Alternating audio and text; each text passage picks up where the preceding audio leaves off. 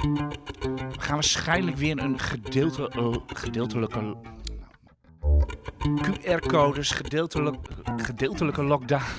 Ja, dan moet jij niet gaan lachen natuurlijk. QR-codes, een, een, een flits-lockdown, 2G. De termen rollen weer over, eh, over de nieuwsmedia heen. Gelukkig kunnen de aandelen, maar ook de inflatie de komende weken vrijelijk bewegen. Wat ook vrijelijk be- beweegt vandaag op de beurs is Intertrust. Dat staat bijna plus 40 En wie heeft ze in portefeuille? Nee, dat is niet Niels Koerts, de vertrouwde collega die hier altijd staat bij de, in de IX Beurs podcast. Nee, Niels is ziek. We gaan hem straks wel even bellen.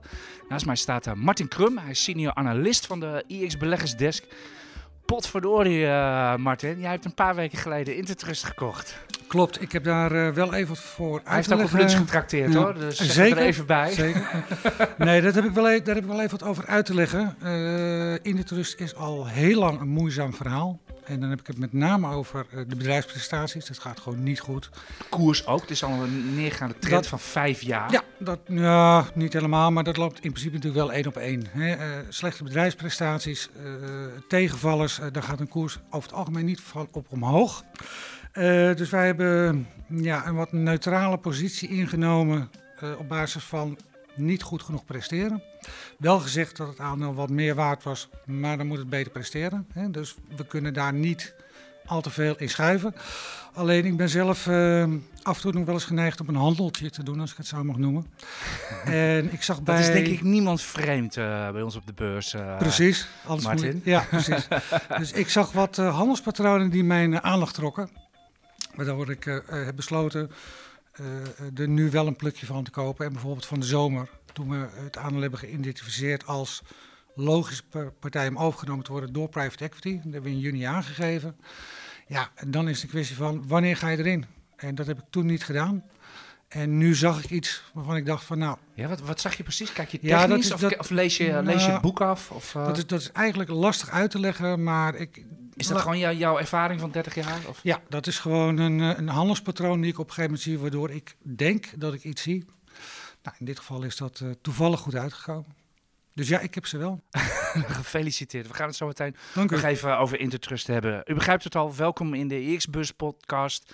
Het is vrijdag 12 november. De AX doet echt helemaal niks op dit moment. Ongeveer 816 op het bord. Ik liep hier net het beursgebouw in. Wij nemen deze podcast op op Beursplein 5. En ik zag de headline op CNBC al staan. Are markets broken? Nou, zo gaat het dan als we even één dag niet uh, hard omhoog gaan. Uh, de lat ligt zeer hoog. Wat gaan we doen? Martin en ik, we gaan uh, zoals gewoonlijk de brede markt bespreken. En dat zal vooral over inflatie gaan. Ja. En we gaan dan ook even vertellen wat u met uw geld moet doen. Als u denkt dat er geen temporary of hoe die termen ook allemaal heten over inflatie zijn, maar dat het echt wel even gaat duren. En natuurlijk waren er weer veel cijfers, veel gebeurtenissen op de beurs. We gaan het hebben over Rivian natuurlijk en in de, in de slipstream, om het maar even mooi te zeggen, nemen we ook Tesla mee, Volkswagen, Ebusco. Martin gaat die sector echt even een beetje bespreken. We gaan het hebben over BAM, daar was er weer het een en ander mee te doen. Het zal ook eens niet. ArcelorMittal had cijfers, ABN Egon hadden cijfers. Daar kijken we nog even naar. Er was weer volop wat te doen op en rond Just Eat Takeaway. Er zijn veel vragen over cm.com. En dan denk ik dat we wel weer ongeveer een half uur à drie kwartier hebben volgepraat. We hadden het al even over in de trust, daar gaan we zo verder. We spreken altijd eerst, Niels en ik, altijd de, de brede markt, Martin. Wat vond jij, wat was voor jou de gebeurtenis van deze week? Nou, het uh, wordt steeds duidelijker dat de inflatie niet tijdelijk is. Dus kortom, dat inflatiecijfer deze week van de Amerikanen ja. van 6,2 procent. Ja. De consumentenprijzen ja. over oktober. ik, ik, zie dat uh, de, de media zich inmiddels enigszins zorgen begint te maken. Dat is rijkelijk laat. Uh, we hebben natuurlijk uh, van de zomerloof gehad in juni. Dat we zeiden, nou, die inflatie die, die is niet tijdelijk en dat is niet een paar procent. Dat wordt echt wel meer. Hè. Mogelijk zelfs leidt het nog tot een landprijsspiraal.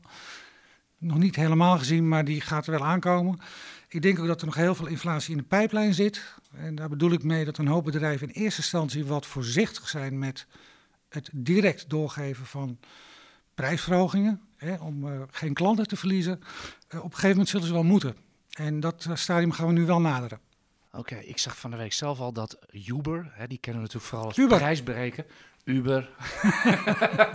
We zijn hier bij eerst altijd heel goed om namen te verkwanselen. Vreselijke naam. maar goed. Abraham, eh Abraham is Ja. natuurlijk ook zo. En die toevallig vandaag cijfers die helemaal verkeerd vallen. Ja, Eh, dat, dat wel. We hebben het zo ook nog over ArcelorMittal. Ik zag dat, eh, nou oké, Uber, Uber in Uber in Londen de prijs met 10% verhoogd. klopt. Als eh, Uber al de prijzen gaat verhogen, dan... Zeker. ja. ja, we zagen ook onze, de president van de DNB, Klaas Knot, vloog nog even de media in.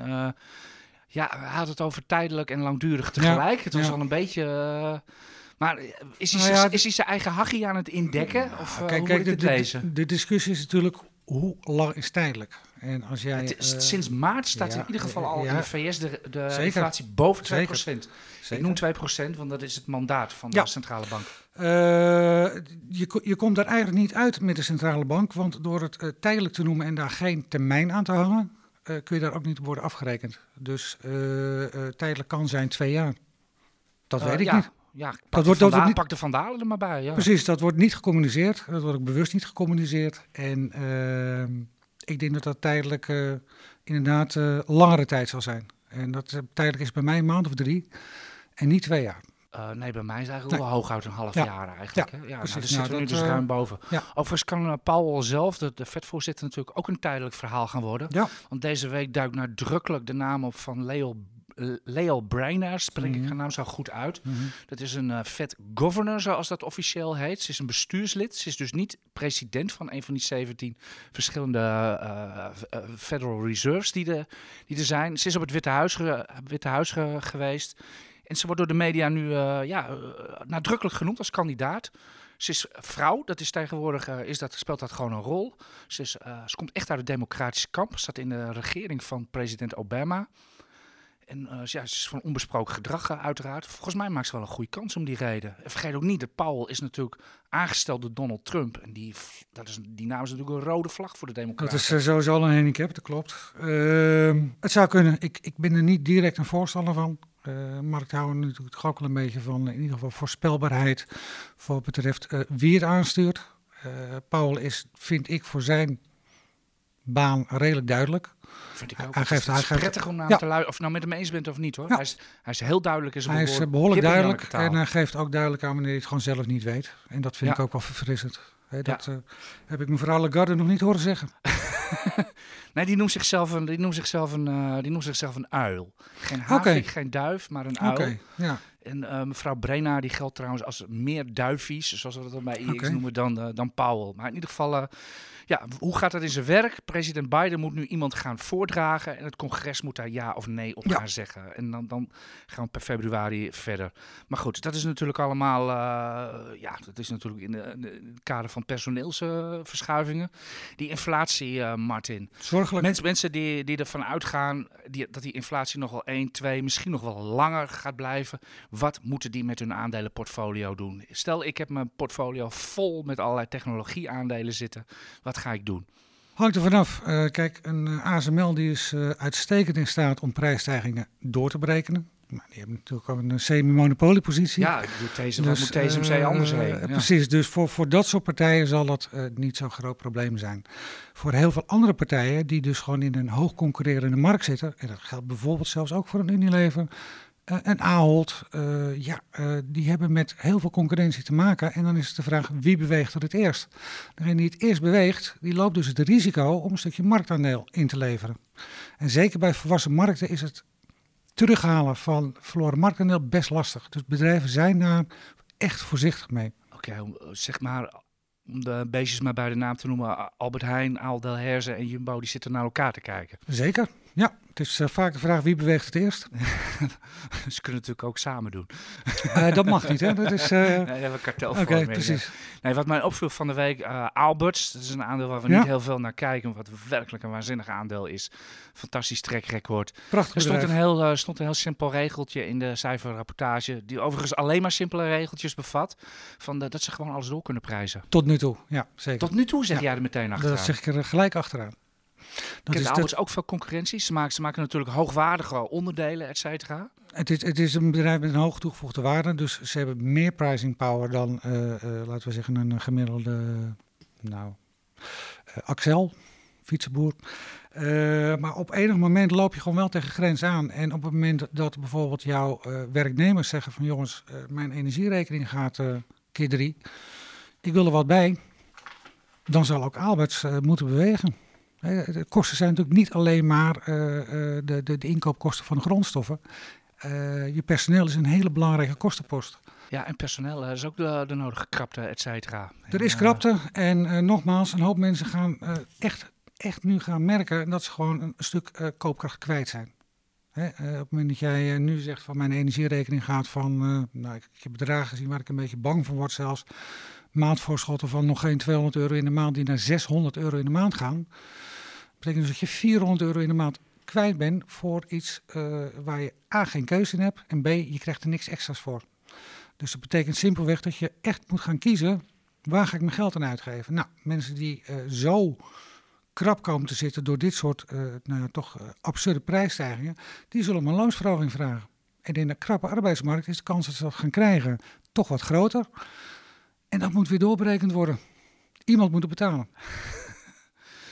Dat is, dat, is, uh, dat is duidelijk. Zijn er echt specifieke, je noemde al even wat namen die, die ermee. Zijn er specifieke aandelen die je niet moet hebben in, in een tijd van inflatie? Ik zou, ik zou met name inderdaad uitkijken bij bedrijven die in een hoog concurrerende markt zitten. Waar, waar, echt zeg maar twintig partijen om, de, om de gunst van de consument strijden. Consumentenelektronica bijvoorbeeld, dat is echt een lastig segment. daar zijn de marges al niet al te hoog op. daar moet je gewoon voorzichtig mee zijn. Dus consumentenelektronica zou ik op dit moment niet in investeren. Ik, ik, moet dan meteen aan die afgeblazen beursgang van Coolblue denken. Uh, die schoot ook even door mijn hoofd, maar laten we dat even terzijde schuiven. maar, dat zijn natuurlijk wel bedrijven die hebben al een lage marge. En op het moment dat je dan, hè, je hebt toch met een aantal werknemers te maken, op het moment dat je daar ook maar, nou, zeg anderhalf, twee procent loonsverhoging moet geven, ja, uh, doorberekenen wordt gewoon heel lastig. Oftewel, dat betekent over het algemeen dan een stuk marge inleveren. Of de gok nemen en uh, kijken of je je marktaandeel kunt behouden. Maar bedrijven gaan dat soort gokjes niet nemen. Nee, kun, kun, je, kun je zo een naam van de Nederlandse beurs opnoemen? Of? Voor bedrijven die kwetsbaar zijn? Ja. Nou, ik zou sowieso met consumentartikelen in het algemeen ook wat voorzichtiger zijn. Hè, kijk, uh, Unilever dus? Unilever heeft natuurlijk heel veel aanmerken. Sligro denk ik daarna, BNS ja, misschien. Nou, kijk, kijk, kijk, Unilever heeft natuurlijk een aantal aanmerken en mensen zijn daaraan gehecht. Die willen op een gegeven moment, hè, die willen inderdaad die Calvé pindakaas hebben in plaats van een huismerk van Albert Heijn. Tenzij, tenzij het budget onder druk staat van de consument en dus noodgedwongen alsnog die twee kwartjes goedkopere uh, pot neemt van Albert Heijn huismerk in plaats van de Calvé. Dat soort keuzes moeten gemaakt worden. Dat betekent dus ook dat je bij consumentenproducten die in het A-segment zitten, in het premium-achtige segment, uh, die, gaan, uh, die gaan er last van krijgen. Heineken? Ja, nou goed, het hangt vanaf of je, of je een bierliefhebber bent of niet.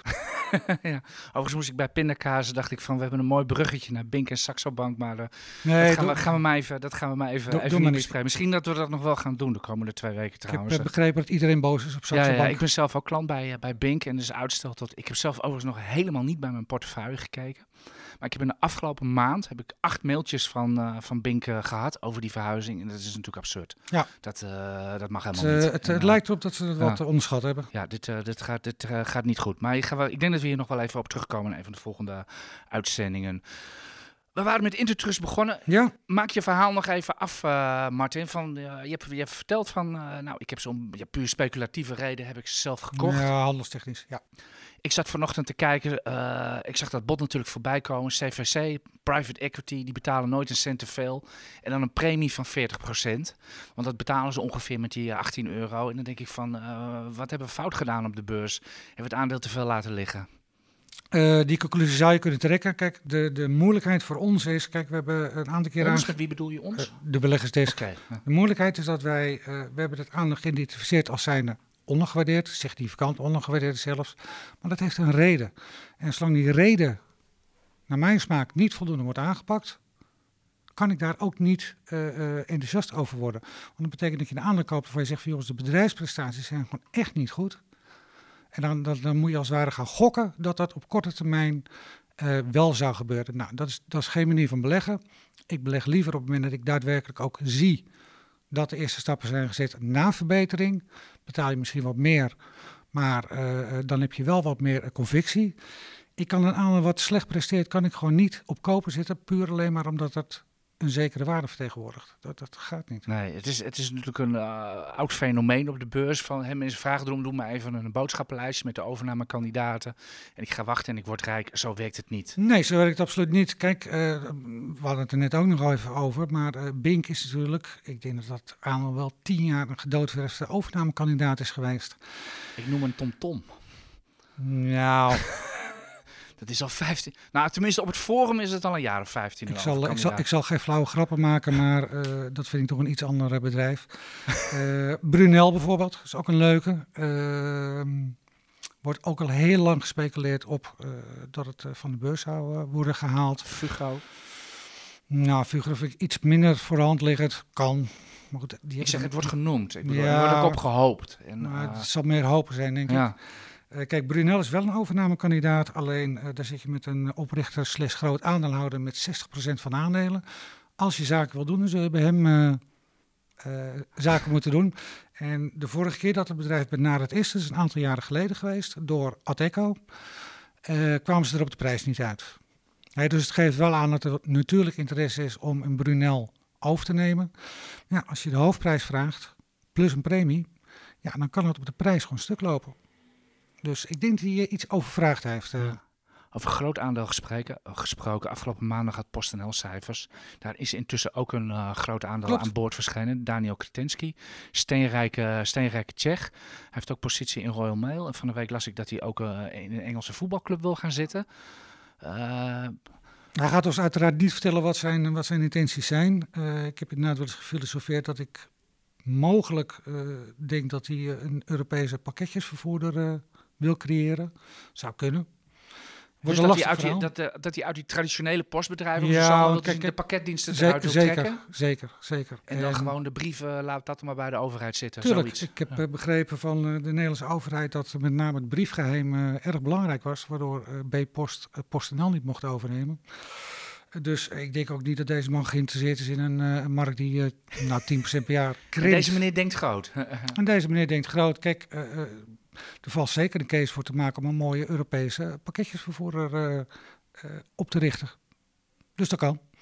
Maar dat, uh, dat weten we niet. En, ehm, ehm, Vond jij trouwens de cijfers van PostNL? Ik ben niet heel enthousiast. Nee. Over hoe het bedrijf presteert. De koer, even twee dingen uit elkaar houden. De koers presteert zeer teleurstellend sinds dit voorjaar. Van 5, we komen van echt exact 5 euro af. We zitten eigenlijk in een bear market. En dan heb je een enorme koper dus ja. gehad. Iemand die 20% heeft verworven. Ja, goed. Kijk, PostNL is natuurlijk sowieso een heel moeilijk aandeel. Uh, nog niet zo gek lang geleden uh, zakte het zelfs uh, eventjes naar de 1 euro. Uit ik over twee jaar terug, denk ik, zo uit mijn hoofd. en vervolgens staat er, twee jaar later, staat er 5 euro. De waarheid ligt ergens in het midden. Wat mij betreft, en dat heb ik wel eens, uh, wel eens uh, uh, inzichtelijk gemaakt, is de fair value van PostNL 4 euro. Nou, we staan nu op 3,80, 3,75. dus ik, ik zie daar gewoon op dit moment weinig upside op. En mensen moeten ook niet vergeten, het, het huidige dividendrendement is niet houdbaar. Hoeveel is het dan? 7, 8 procent? 7, 8 procent, dat is gewoon niet houdbaar. Niet houdbaar? nee, nee, nee, nee, nee. Dat is niet houdbaar, er wordt ook heel veel geïnvesteerd. Um, ik verwacht nog wel wat concurrentie. Is dat de reden dat er wat short uit staat? Dat gaan ze mij niet vertellen. Nee, dus dat, dat, weet, dat, niet, dat weet ik ga, niet. Maar goed, we moeten er wel over zeggen, uh, Martin. ja, want kijk, bij de short uh, posities die je bij short cells ziet staan, weet je nooit of dat een uh, pair trade is. Dus bijvoorbeeld, we gaan een zwakker broertje short en we gaan een wat sterk bedrijf, Duitse Post. Wat natuurlijk wel een loeisterk bedrijf is, gaan we bijvoorbeeld long. Hè, dus dan dek je als het ware voor een deel in tegen marktbeweging. Maar ja, of je dat, zit of wel dat er misschien sector. obligatieleningen tegenover staan. Dat, Dat, soort dat, dingen. dat die- kan allemaal, ja. dus dat weten wij toch niet. Dus, Dus je weet niet of het een, echt een netto short positie Nee, is. Dat is het. nee. Ja. daar kun je dat, kun je dat niet aan aflezen. Dus, Nee, dat is dus eh, het is wel een, ik geef toe dat mensen zich vaak toch wat eh, ongemakkelijk voelen als er een eh, flinke shortpositie open staat. Is nooit prettig. Het is in ieder geval geen reclame, laat ik het zo zeggen. Maar eh, ik zou daar niet te veel aan aflezen, want je kent de totale positie van, eh, van de partijen die short zitten niet. Dus eh, nee. Hè, we zagen bij Just Eat toen het tijd die overname van Grubhub. Dat is ook een hele grote shortpositie. We hebben het over gehad eh, in juni. Dat een groot deel daarvan, het was arbitrage. Dus Just Eat short, Grubhub long. De group-up aandelen zou geconverteerd worden naar aandelen Just Eat. En dan is de short-positie die je zag staan van 20% die is ineens verdwenen. En dat was hij ook. Klopt. Voordat we het uitgebreid gaan hebben over, met jou over, over Rivian, uh, we halen er ook nog Volkswagen bij, want Ja. waren, wa- daar waren weer heel veel lezersvragen. Zo is eens even bij, eh, bij Niels op ziekenbezoek gaan. Ik, ik zou het zeker doen. Ja, voor een gloednieuwe beursrubriek eh Beurskoorts met Niels Koerts. Laten we hopen dat hij eenmalig is. Hallo Castricum. Oh, we we zijn wel in de uitzending. Ja, we zijn al in de uitzending, joh. Oh, wat van de, oh, eh, doe maar even nog een keer. Manuals. Hallo Niels, met Aart-Jan en, eh, en Martin bij EX. Hoe is het met jou? Ja, nou, het gaat alweer beter hoor. Maar eh, ja, nog niet, goed, nog niet ja, volledig hersteld. Dus ja, we houden ons aan de maatregelen, dus dan blijven we thuis, hè. Oké, hey Niels, ik zal met de deur in huis vallen, want jij, eh, jij wil nog weer even wat, eh, over wat aandelen gaan praten. Fuck idioot, ik zeg het ook gewoon als je bent. Maar ik heb heel veel boze lezersvragen over cm.com, over de koers. Jij bent enthousiast over het aandeel. Ja, dat zijn we zeker. Eh, wat wel zo was bij de derde kwartaalcijfers viel, wel de, viel de omzetgroei wel een beetje tegen. Maar kijk, weet je het is? Als bij cm.com is echt een goede aandeel. En ja, daar hoort ook bij dat een, een koers die nogal fluctueert. En eh, nou ja, dat gebeurt. Want in het begin eh, ging hij hard omhoog. En nu zit hij weer in een downtrend. Ja, ik, Volgens mij hoort dat ook een beetje bij ze. Volgens mij heb je dat ook destijds ook gewoon gezegd, van dat er heel veel risico aan zit. Ja, kijk, maar zeker omdat CM.com ook nog niet winstgevend is. En dat maakt ook dat het wat lastiger is om het aandeel te prijzen en te waarderen. En ja, daar hoort dus ook bij dat de koers meer fluctueert. Dus ja, ik zeg altijd, bij dit soort aandelen moet je je posities beperkt houden. En dan, dan is het ook makkelijker om dit soort eh, ja, dalingen gewoon eh, ja, mee te maken. Dus eh, ik, ik zou me hier niet zo heel veel zorgen om maken. Ik ga wel letten op, eh, met name in het vierde kwartaal, of die eh, groei of die groeiverzwakking of dat doorzet. Want dan zal dat wel implicaties hebben op mijn eh, koersdoel. Dus kortom, jouw advies is aan de mensen die eh, je boos mailen over de koers van, eh, ja, blijft u maar even op de bladen zitten. Ja, maar ik geloof dat er sinds dat ik die kooptip afgaf, dat dit aandeel niet zo heel veel is gedaald. Dus ik zou de, ja... Met dit soort aandelen een, een daling van minder dan 10%, ja, weet je, dat hoort erbij. Dat eh, kan er niks anders van maken. Oké, jij had nog even wat aandelen voorbereid. Jij wou nog even heel kort over eh Ahold, ABN AMRO en Egon hebben, als ik het goed heb. Eh, bijna goed, AJ. eh, geen ABN AMRO, ik ben niet van de banken, maar wel eh, van Alphen onder andere. Alfa. Nou, even heel kort dan. Want je klinkt zo ingeblikt, dus we houden het even zo kort en snappy mogelijk, Niels. Ja, nou ja, bij, bij Ahold viel mij met name op de online groei van eh 29% dat was toch best wel knap, omdat het derde kwartaal van 2020 hadden ze het ook juist online ook heel goed gedaan. Dus bovenop die 63% die ze vorig jaar aan groei hadden, komt er nu weer zo'n 29% bij. Dat viel mij op. We hebben Daar het over bol.com, eh, neem ik aan. eh. Onder andere, maar met name de groei zit ook in de VS. Dus, eh, want daar hebben ze ook enkele acquisities gedaan die nu goed renderen. Dus de, de online zit de snelste groei zit zelfs in de, in de Verenigde Staten. En daar komt bij dat, dat de marges verbeteren en daardoor gaat ook die winst per aandeel omhoog. En wat ik, ik, ik denk dat luisteraars zich dat nog wel kunnen herinneren, dat ik heel uitgesproken was bij die halfjaarcijfers, dat Ja. Ahold echt een veel te conservatieve outlook had. Nou, die hebben ze inmiddels opwaarts bijgesteld. Eh, maar naar mijn mening is dat, zijn ze nog steeds veel te conservatief. Dus eh, ja, Dat is duidelijk. Egon. ja. Eh, Egon, nou ja, Verlies. zitten de cijfers juist een beetje tegen. Maar dat is altijd lastig bij, bij verzekeraars om dat goed in te schatten. Waar ze hadden ze nou last van? Van een hoog sterftecijfer in de Verenigde Staten. door corona. En nou ja, wat, je, wat het natuurlijk is in de Verenigde Staten. Kijk, in Nederland hebben wij 85% vaccinatiegraad. Nou ja, in de VS zit die geloof ik net boven de 50%. Dus is er gewoon een hoger sterftecijfer. En ja, dan moeten ze gewoon meer uitkeren aan de overlijdensverzekeringen. Dus daar hebben ze last van. De business case verandert niet, want het kostenbesparingsprogramma ligt eh, gewoon op schema. En wat ik wel denk wat een potentiële koerstrigger is op de korte termijn, eh, is een potentiële dividendverhoging. Ik verwacht daar zit echt wel eh, ruimte in voor in ieder geval meer dan dat eh, ze eerder hebben beloofd. Oké, eenmalig tegenvallen dus hopelijk bij Egon. Ja. Houden we nog Alfa over, het wonderaandeel uit Almere. Ja. ja, nou ja, kijk, op zich, omzetgroei, als je eerst denkt van 21%, denk je van, nou, dat is nu niet onaardig. Alleen, ja, ik vind gewoon dat die groei niet snel genoeg is als je kijkt, vergelijkt met de waardering van het bedrijf. En welke divisie mij met name tegenviel was die Smart Grid divisie. Nou, die Smart Grids die zorgen ervoor uh, voor het reguleren van het elektriciteitsnet. Nou, daar zou je denken, daar is veel meer vraag naar, want als we overgaan op meer duurzame energie, krijg je ook meer pieken op het net. Dus ook een grotere behoefte aan smart grids. Maar dat valt me een beetje tegen. 1% groei en ze hadden klaagden over. Uh, ja, hoe kan, hoe kan, hoe kan, als ik je even mag onderbreken, Niels, hoe, hoe kan ja. dat nou? Ik bedoel, we overal, uh, uh, hoe heet dat, dat stroombedrijf ook alweer, Leander, die zegt van ja, we kunnen bijvoorbeeld in Utrecht al geen mensen meer op het net aansluiten. Dan zou juist deze divisie toch heel goed moeten doen. Ja, maar ja, ze zeggen dat bepaalde projecten worden uitgesteld. En ook bij de aanleg hadden ze nog wat probleempjes. Dat ging allemaal niet van een leien dakje. Dus die divisie viel mij tegen. Het was maar ook een raadsel, valt me de laatste jaren al wel tegen dat die divisie toch wel een beetje achterblijft. Daarentegen de laadpalendivisie, dat gaat echt, uh, nou ja, dat is echt booming business. Uh, meer dan 100% groei in het derde kwartaal. Dus dat is echt een groeimotor. Ik verwacht ook dat de laadpalenbusiness volgend jaar al de grootste divisie van Alphen zal zijn.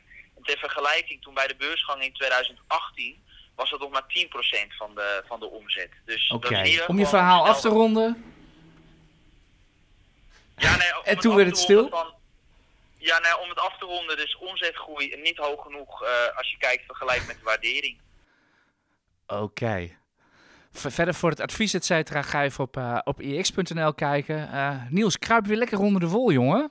Ja, en, nee, of, succes, of, of, zit, of, zit, je gewoon met allerlei analistenrapporten in bed en zo? Of, wat je, nee, want, nee, want ik, merk niet, ik merk niet veel aan je, want je strooit weer met cijfers en verwachtingen, ja, et cetera. Ja, ja, ja. Ja, nee, maar ik heb geen koorts hoor, dus, dus dat scheelt weer. Oké. Okay. Hey, beterschap joh, en we hopen je gauw weer te zien. Nou ja, Fijne hopelijk... uitzending. Oké, okay, dag Niels. Ongelooflijk. Zelfs als hij ziek is, dan uh, gaat het nog gewoon. Ik heb verschil niet gemerkt aan Niels. Jij nee, wel, ik, uh, jij ik wel heb, Martin? nee, ik, je bent er stil van. Hij, is iets, hij klonk iets rustiger dan normaal, maar daar, daar kan ik op zich wel aan wennen hoor. Ja. Oké, okay, ja. Inflatie was natuurlijk een happening deze week. En de happening deze week was de beursgang van Rivian. Zeker. Het, de, de Amerikaanse elektrische autobouwer ging voor 72 euro naar de, naar de, naar de markt. Dollar. Dollar naar, sorry, dollar naar de markt. De Nasdaq, uh, 85 miljard in één keer waard. Dus, uh, inmiddels zijn we weer 20% hoger, 122. Dat is meer dan 100 miljard waard. Meer dan GM en Ford bij elkaar, geloof ik. Zo, zoiets was het. Dat soort uh, optelsommetjes ziet u vaker. Vallen maar in, Marten. Ja, er waren ook natuurlijk heel veel vragen over. En het zijn weer de bekende vragen van... Ja, de waardering slaat toch nergens op? Nee, goed. Het, dit, dit, dit zijn natuurlijk... Uh, het is nieuw. Uh, en nieuw is altijd goed. Althans, uh, dat is in de perceptie van veel beleggers is dat zo. ben ik het op zich niet helemaal mee eens. Maar kijk, bij... Ja, ik zie elektrische auto's gewoon als een commodity. zeker. dat is ook met name mijn zorg. Want wat, wat veel beleggers toch lijkt te vergeten met al die mooie nieuwe namen, is dat alle bestaande autofabrikanten ook elektrisch gaan. Dus dat betekent dat die markt echt, echt crowded wordt. Uh, Rivian heeft aangegeven dat ze hopen, hopen, bij 2030... Hopen? Ja, hopen. Hoop, hopen is verkopen, is een oud Precies, begrip. Da daarom ook deze nadruk. Ze, okay. ze hopen bij 2030 1 miljoen auto's uh, Ja. te verkopen. 1 miljoen. Hebben Dus over fabrieken? negen jaar. Uh, BMW die verkoopt er uh, 3, 4 Nee, miljoen heeft, heeft Rivian eigen fabrieken? Of, of, Jazeker. of- ah, Ze maken wel zelf en ze hebben wel uh, de backing van, nou, Bezos zit daar met, met geld in. Of Amazon, dan neem Ja. ik kwalijk. Ford heeft er ook een investering in gedaan. Dus er zitten echt wel serieuze partijen in. Alleen het blijft gewoon een ontzettend hoog wishful thinking gehalte. En deze markt gaat echt, dat gaat een enorme vechtmarkt worden. Want voor al die autofabrikanten, daar is gewoon geen plek voor. Uh, als ik heel even een uitstapje naar China mag maken. De Chinese overheid uh, heeft gezegd dat China te veel producenten van elektri uh, elektrische auto's heeft. Uh, ik, denk dat dat, ik denk dat dat niet alleen in China het geval is. Dus, Ik denk, ja, ik eh, denk wereldwijd. Het is, het is traditioneel al dat er overproductie is. Dat is, is, Klopt. dat is chronisch. En als, je ziet, en als je ziet hoeveel merken er nu bij komen, ja, het wordt wordt er niet beter op. groter. Nee, het wordt Want er in, niet in beter op. principe maakt het natuurlijk geen bal uit wat dat betreft of een elektrisch of een, bez- of een dieselmotor in ligt. Kijk, uh, uh, de markt gaat uh, hard groeien de komende jaren. Dat, dat, dat is gewoon een feit. Uh, met, alle, met alle klimaatplannen die er zijn, moet dat ook. Alleen, uh, we hebben helemaal geen, geen ruimte voor 60, 70, 80 autofabrikanten. Verspilling van geld, verspilling van middelen. Eh, eh, dus dus de- er is nu een, een hype van alles wat elektrisch is, eh, is eventjes in, als ik het zo mag zeggen. Gaat vanzelf weer voorbij. Waarderingstechnisch, ik kan dit soort sommen gewoon niet maken. En ik ben ook Die zeker kan, die niet... kan niemand maken. Nee, Maar- ik ben ook zeker niet bereid om nu alvast te gaan rekenen met, met cijfers voor 2030. Dat is zinloos. Nee, dat is, dat, is- dat is werkelijk, dat is Nee, werkelijk want dan, dan roep ik je nog even in herinnering dat de waardering van vastnet op een gegeven moment werd gebaseerd op de cijfers 2030. Ja, maar die bank die kennen we, die deed ook nog wel zaken met, eh met vastnet. puntje eh. misschien, maar... eh, ja, ja. Het was dus- trouwens het eerste wat ik deed toen, eh, toen Rivion uit de startblokken kwam op woensdag. Wat doet Ebusco bij ons? ja, Want dat zie je Ja. vaak. Er gaat iets naar, naar de beurs en dan zie je dat aanpalende merken of, of aandelen, et cetera, Nou, ook dat- omhoog gaan. dat- ik zag er niks gebeuren. nee, Dat wil niet zeggen. eh Ebusco staat sinds de beursgang twee weken geleden alweer 25% hoger. klopt. Ik had eerlijk gezegd ook wel verwacht hoor, dat, dat Ebusco een klein, eh, klein eh, opstootje zou krijgen zeg maar, van, de, van de gekte rond Rivian.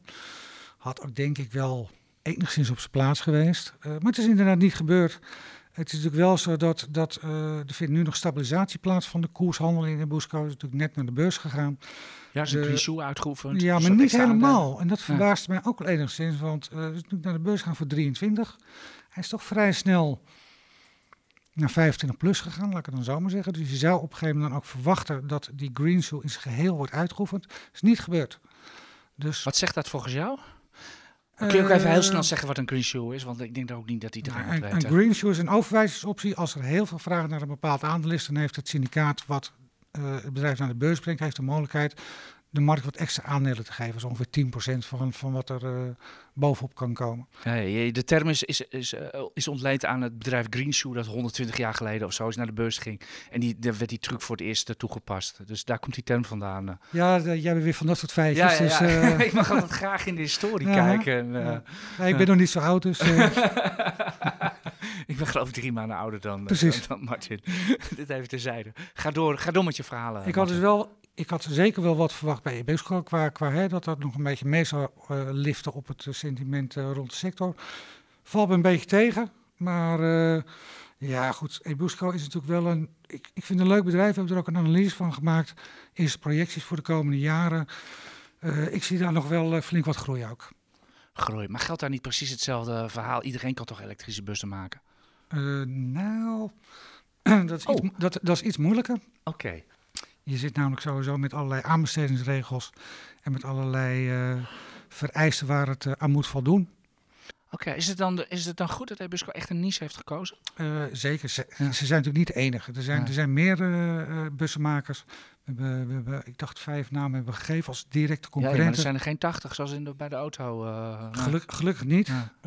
En Inbusco heeft ook wel...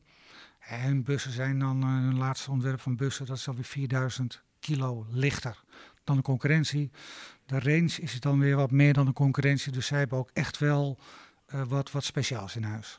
Oké, wie ook wat mogelijk wat speciaals in huis heeft, is Apple.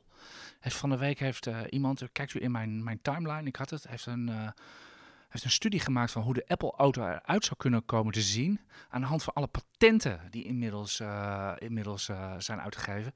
Ik noemde het zelf het iDAFje. Even refererend aan DAF, van dat deed hij me toch een beetje aan het denken. Of de trabant van weleer.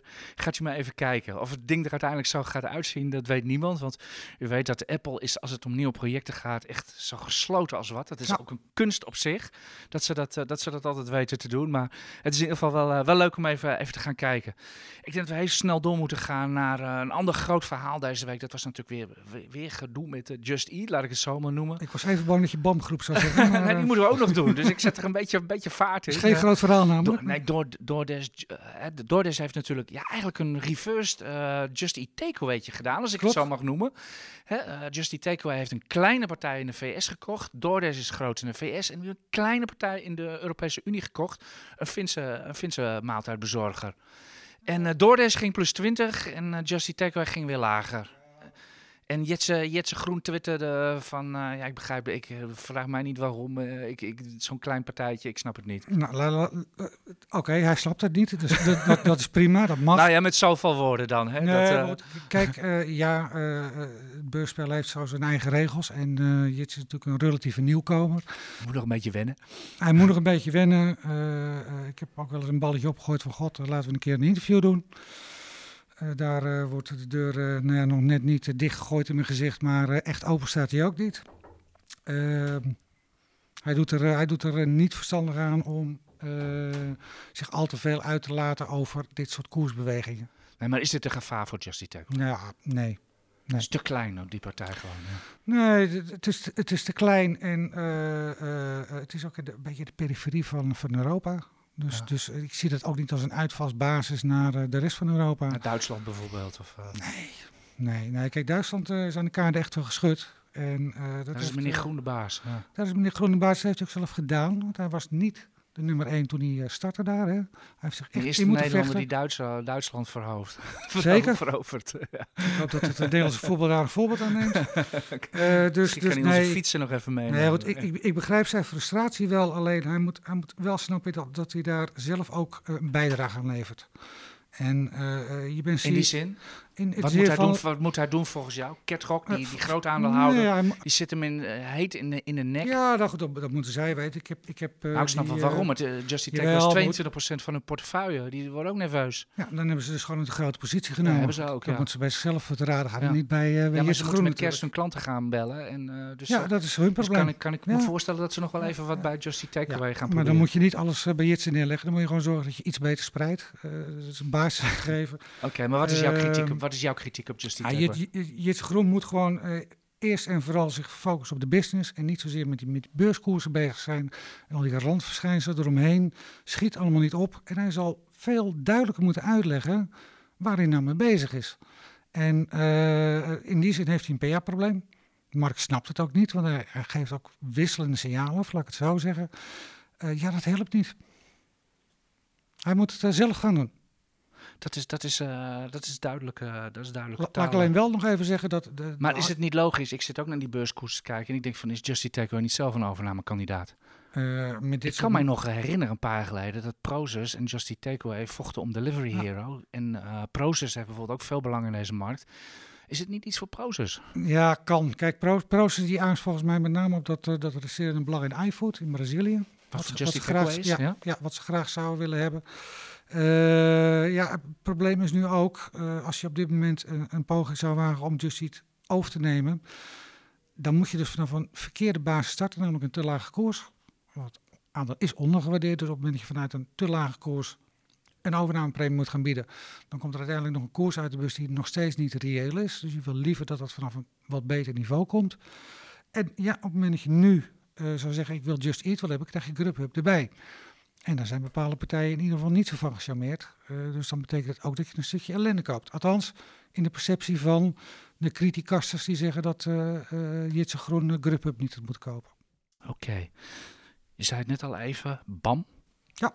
Die gaan niet het Feyenoordstadion bouwen. Ja, wel ze, niet, wel niet. in, ieder geval, in ieder geval, ze willen er 180 miljoen euro voor hebben. Ja. Ze willen nog steeds niet zeggen dat het de afsluitdijk is dat hun grote probleem is. Wat we eigenlijk op de beurs voor nou, 99% uh, zeker is. Van de week kocht, uh, kocht de top van uh, BAM, meneer Joost, dat is de CEO, en een bestuurslid, die kochten samen 120.000 aandelen. Klinkt heel veel, maar uiteindelijk is dat maar een paar ton. En dan was er nog het nieuws van BAM gaat mogelijk in kernenergie. Ja. Wat een fantasie in één keer, uh, Martin. Gedurfd. Bam in kernenergie. Ja, de grappen gingen natuurlijk uh, alweer Zeker. vrolijk rond. Dat, Zeker. Uh, what can possibly nou, go kijk, wrong? Maar... Kijk, kijk laat, laat ik het anders zeggen. Ik bedoel, BAM is ook typisch zo aan. Hè? Net als in de trust waar we het eerder over hebben gehad. Er zit heel veel waarde in, maar het komt er niet uit. En bij BAM kunnen we dat ook heel makkelijk pinpointen met al die projecten die mis zijn gegaan. posities in het buitenland waarvan je zegt van jongens, wat, wat, wat doen jullie daar? Uh, dus ook is dat... meneer Joost dat niet uh, netjes aan het afbouwen? Door de, dat, dat, door hij, de, door dat de, hij dus ook gewoon de risico's uitband mogelijk op dat Feyenoordstadion. Er worden gewoon goede stappen gezet, maar je ziet dus ook dat dat uh, ook hand in hand gaat met een, een stijgende beurskoers. Hè, wat we bij ja. nog niet hebben gezien. Die zaten namelijk nog steeds, uh, nou ja, rock bottom wil ik het niet maar die zaten nog steeds laag. Bij BAM zie je dat er een aantal stappen worden gezet. Maar je ziet ook dat met die stappen die worden gezet, de beurskoers ook herstelt.